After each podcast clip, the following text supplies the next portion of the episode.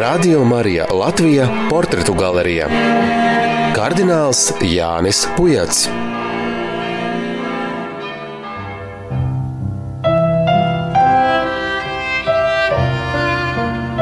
Iepriekšējā reizē mēs uzzinājām par Jāņa Pujata bērnības dienām, kuras bija piepildītas ar smagu darbu linu laukā un arī neizsīkstošu abrīnu par ziedošo dabu. Par ceļu semināru, par to, kā viņš jau skolas gados sajuta sevī cīnītāja garu par patiesām vērtībām, pretstatā tam, ko mēģināja iestāstīt padomju vara. Vidusskolā es, es jau privātas stundas ņēmu latīņu valodā, gatavodamies. Cik gados tad jūs sākāt gatavoties uz semināru? Vidusskolas jau kaut kādi vēl 18 jums nebija. Nebija vēl.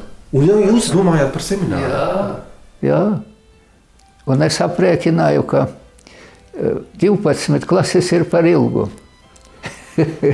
es, es no 9. klases es saņēmos pavasaru samācījos un noliku eksamenus par 10. klasi, un no 9. es pārgāju uz 11.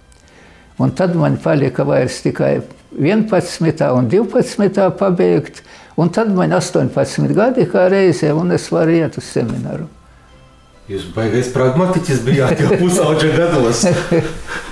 tā, tā. A, ko vecāki par to teica? Par to Nē, nu viņi, nē, nu viņi priecīgi, jo tad vēl nav terēnos vidusskolas vēl nebija. Mums vajadzēja vidusskolu Rēzeknē. Un tevs pēc pāris nedēļām brauca uz Rēzekni ar zirgu 25 km. Produktus atved un, un viņam tad es aiztaupīju veselu gadu. Kad jau ir nolemts, tad viens ceļš un tu zini, kā viņu ātrāk realizēt. Bet vai tam vecākiem nebija kādi plāni uz jums? Kāda profesija? Nē, nē, nē. Mūsējā atstāja pilna brīvību.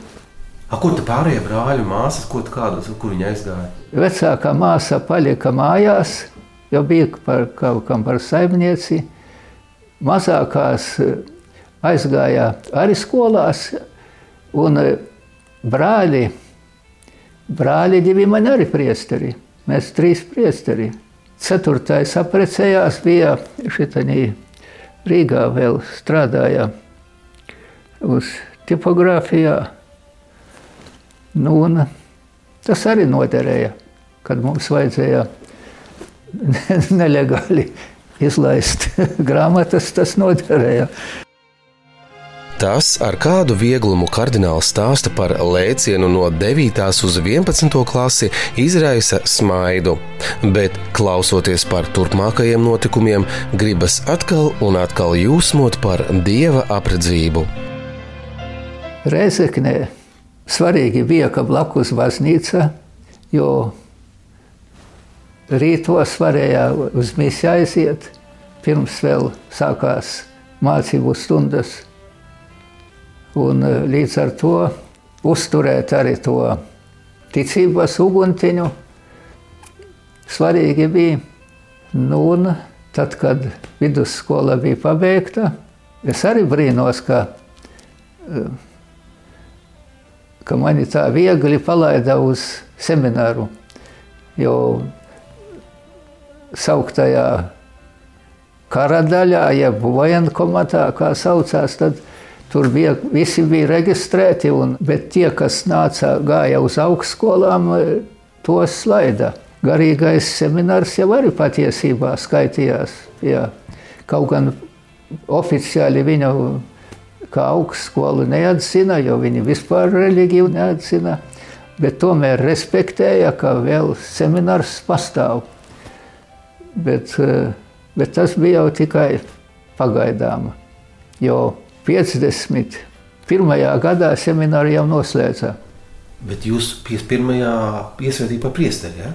Iesvētīja agrāk, patiesībā baidījās biskups, ka vispār nevarēs vairs neko iesvētīt.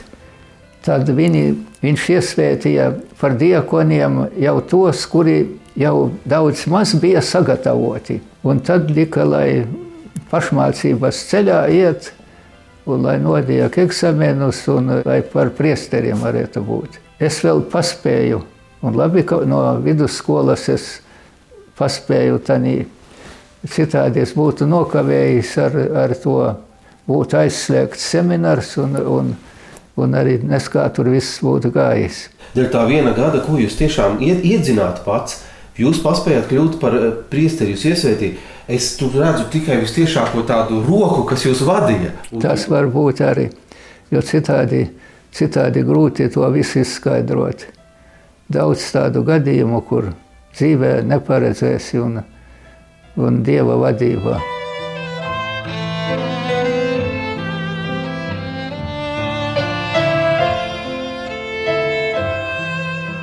Kad iesvētīja, jāsaka, Preļos bija vecs garīdznieks, dekans.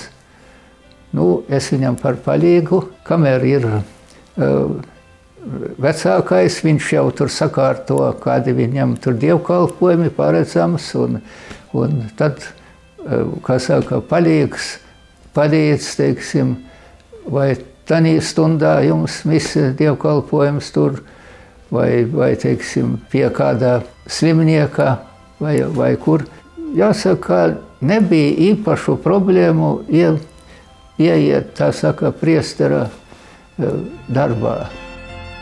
Padomi laikā priesteriem nācās saskarties ne tikai ar tā saucamās čekas pakalpiņu izgājieniem, bet bija arī dažādi pārsteigumi, kurus sagādāja jaunā ekonomiskā iekārta. Agrāk bija tas tāds aizņēmums, kad brauc e, kungi un pēc cenšas izspiest no cilvēkiem vairāk, lai parakstītu, cik rubļu parakstīs valsts aizņēmumu. Viņi laikam pēckara gados izmantoja, lai kaut kā sakārtot saimniecību valsts. Un viņiem laikam tos rubļu e, pašiem, e, kā saka, pietrūka vai kā tur Tad izlaida viņi tādas obligācijas aizņēmumā.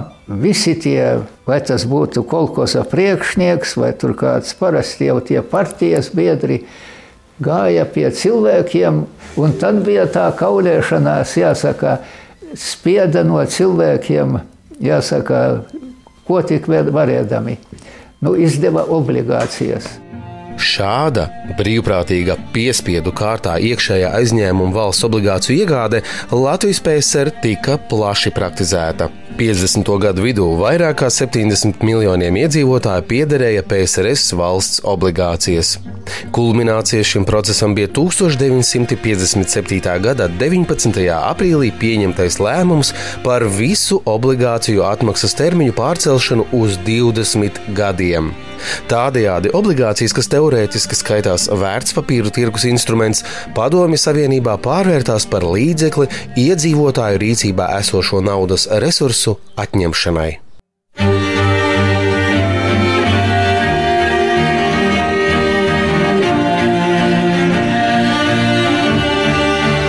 Ar padomju ekonomikas dīvainajiem procesiem netieši saistīts arī ir kāds gadījums Bērspilī, uz kurieni Jāni Pujatu pārcēla pēc kalpošanas Dukstigalā un Zosnā. Un ar šo stāstu kardināls īpaši vēršas pie tagadējiem un toreizējiem Bērspils draudzes locekļiem. Atmiņā man palicis ir tāds nevisai patīkams atgadījums. Uh, kuru arī, kuru arī es gribu atklāti pateikt, lai zina visi. Jo skolotājs kāds atnāca e, pajautāt, vai, vai viņi var nokristīt klusām bērnu, kuru, no, kuru kā saka, e, netiks e, publicēts un viss Es saku, jā, mums tā nav pierasts, ka tās grāmatas revidētu kāds, bet iznāca taisni otrādi. Mēs to bērnu nokristījām skolotājā, bet eh, kādā pēc nedaudz dienām nāca eh, tas eh, revidents vai kāds skaitās, kas noteica tos baznīcas ienākumus. Un, un ienākumi bija parasti jā, nokrista, salauzta, apbedīja, tad caurmērā viņi saskaita, cik tas gadījumu, un e, vidējo kaut kādu paņem, un tad uzliek nodokļi no tā.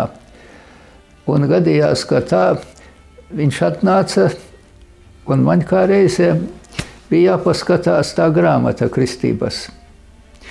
Es, tā bija sievietes, kas nāca. Un es tā ātri šķirdams to grāmatu, jāsaka, lai zinātu, cik, cik mums tajā gadā. Un viņa,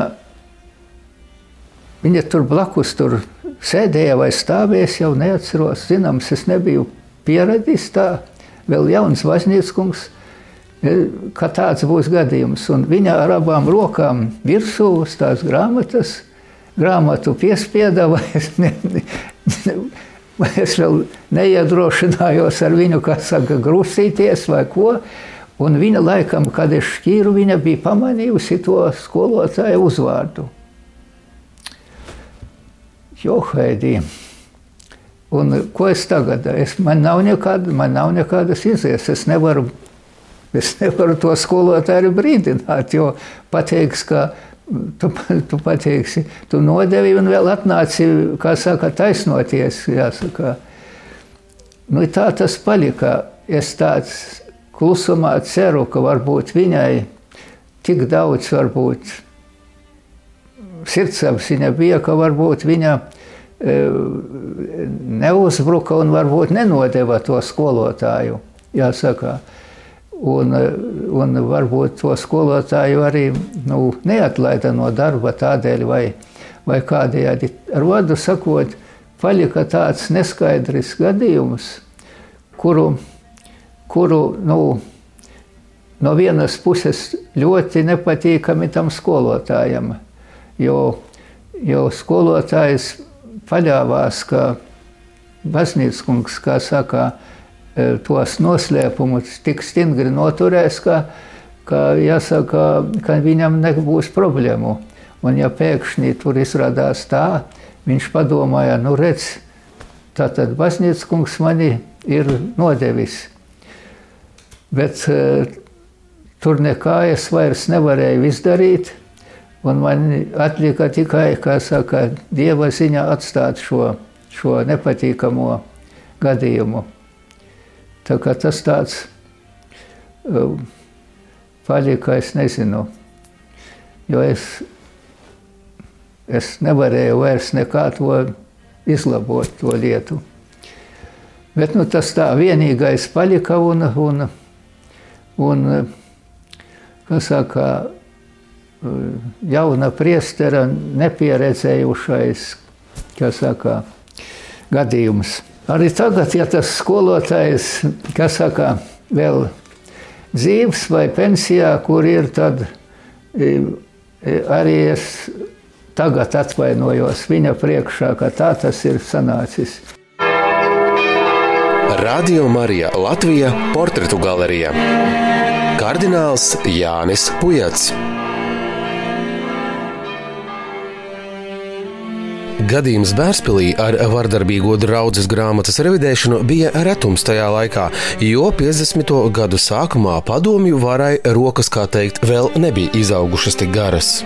Vēlāk gan jau ar vienu uzskrūvēja, tad jau aizliedza katekizāciju, nevarēja pieņemt kalpotājus pie altāra, kuriem nav 18 gadu, korā nedrīkstēja, kuri nav 18 gadu ar vārdu sakot, ar vienu vairāk um, ierobežoja reliģisko padarīšanu. Bet jūs jau bijāt cīnītājs, jūs jau nelikāties mierā. Tāpat. Bez šaubām mēs strādājam, un, un uh, pēc tam mani pārcēla uz rudzētiem no tās bērspils.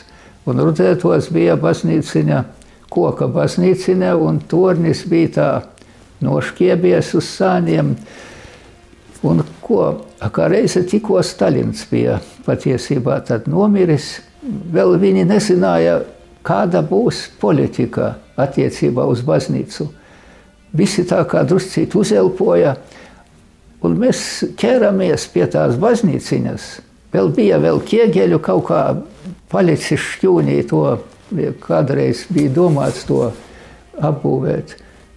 Mēs to vienā vasarā nojaucām torni maija mēnesī un arī priekštelpu un iztaisījām no mūra torni un visu baznīcas priekštelpu. Un rudenī jau viss bija gatavs. Un neviens netraucēja. Un atnāca, atnāk, paskatās milicis, tas aiziet, vēl tur neviens Neviens nepajautāja, uz, ar kādām tiesībām tu to dari un ka, kas tev to ļāva. Jāsaka, un, un mēs patiesībā saglabājām to baznīcu, jo viņa būtu vēlāk aiztaisītā. Vienkārši kā avārijas stāvokļi. Viņu, kā jau bija nošķiepies, tur jau daudzi nevajadzēja un, un uzsludinātu viņu kā jau bīstamu un visu. Un tā Rudzētu baznīca tagad stāv ar savu priekštelpu. Visa priekštelpa ir mūra un tornis, un tālāk koka tas pieslēgts un strādā. Tā kā šai ziņā e, tā izdevās tā, tā saka, momentu izmantot, ka, nu, kamēr vēl tā e, kungi vēl nebija īsti apķērušies, kas kur Bet arhibīskaps laikam pamanīja to,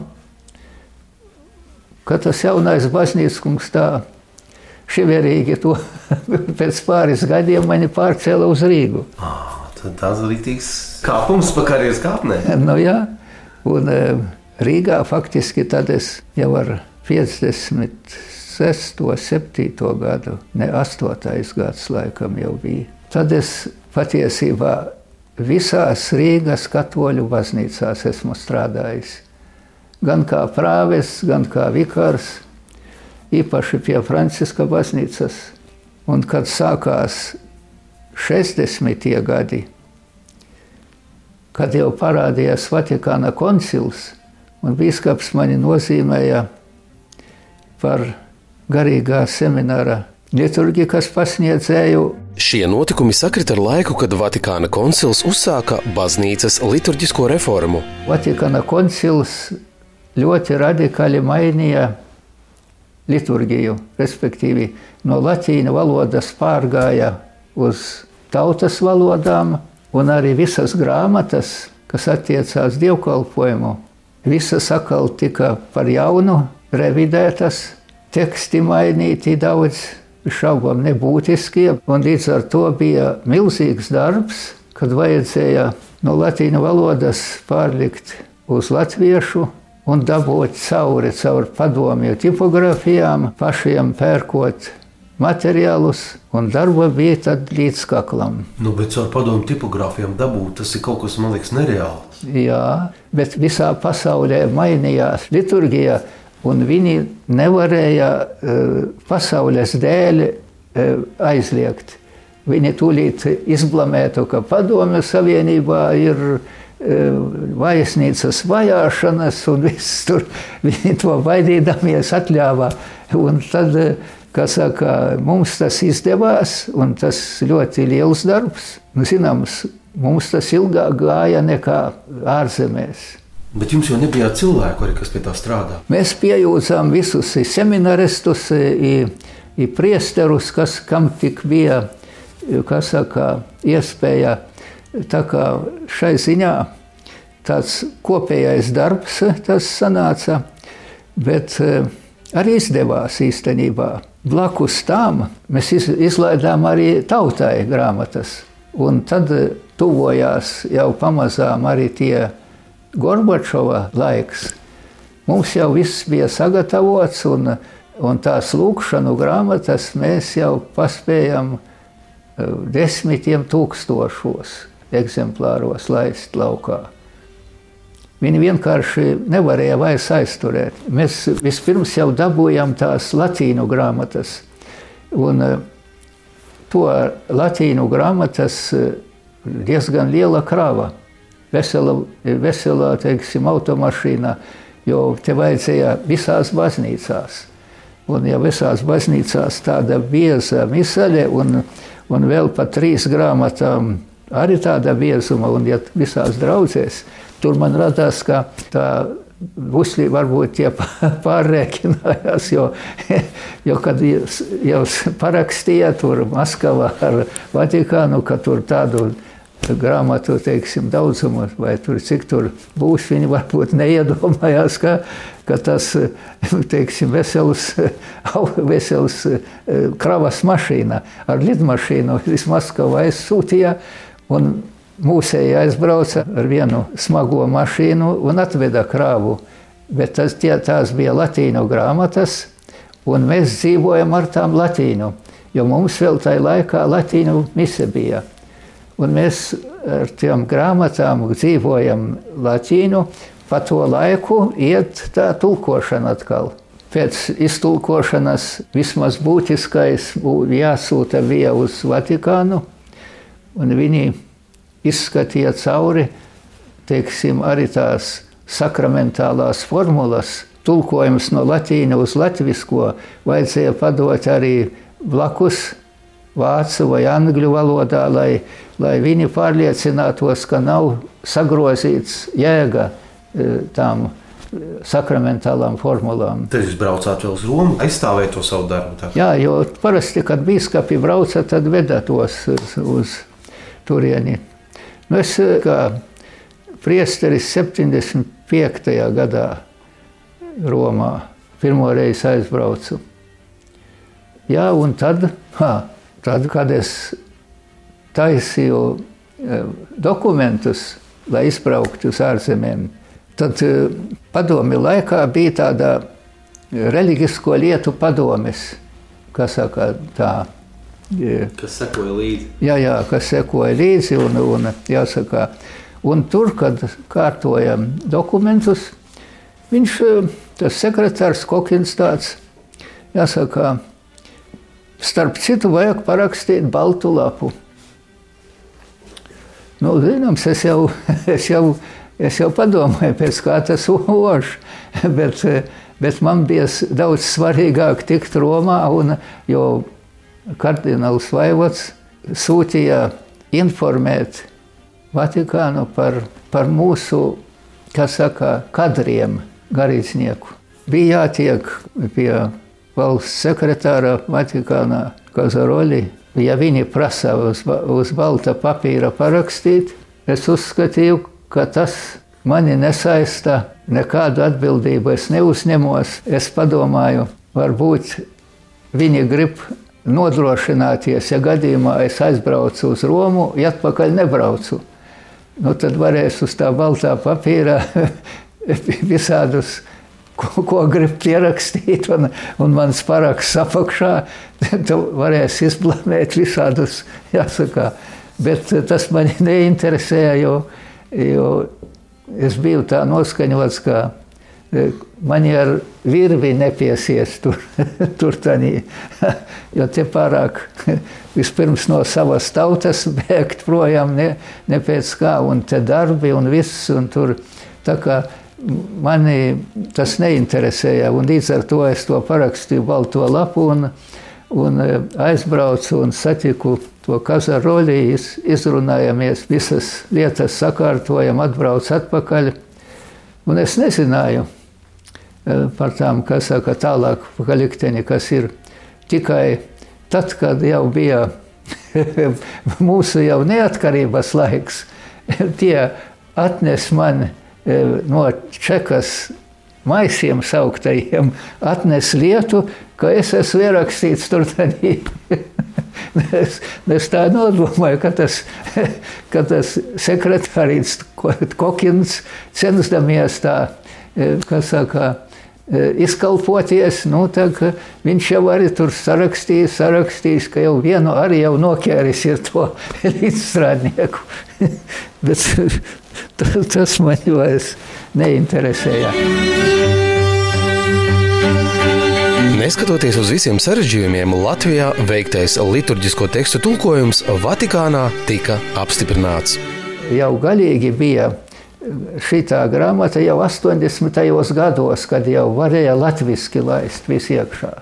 Tā kā tas nāca par tiem gadiem, tas tulkošanas un izdošanas un viss tas process, bet tas padomi laikā tas tomēr noritēja viss. Bet eh, tomēr viņu izdevām, kā saka, ādas sējumus, kā reize tad kaut kā tur gadījās kaut kāda tur organizācija, kura, kura ar grāmatu siešanu bija nodarbojusies, viņa kaut kā bankrotēja, tad piedāvāja, ka, ka var ādas sējumu iedot, nu tad mums, mēs ar prieku devam, ja tas ādas sējums tomēr labāk turās kā visi citi. Tā kā tas liels, liels darbs, jo ļoti gan tautai svarīgi bija, gan arī pašiem garīdzniekiem, jo tā reforma diezgan radikāla bija.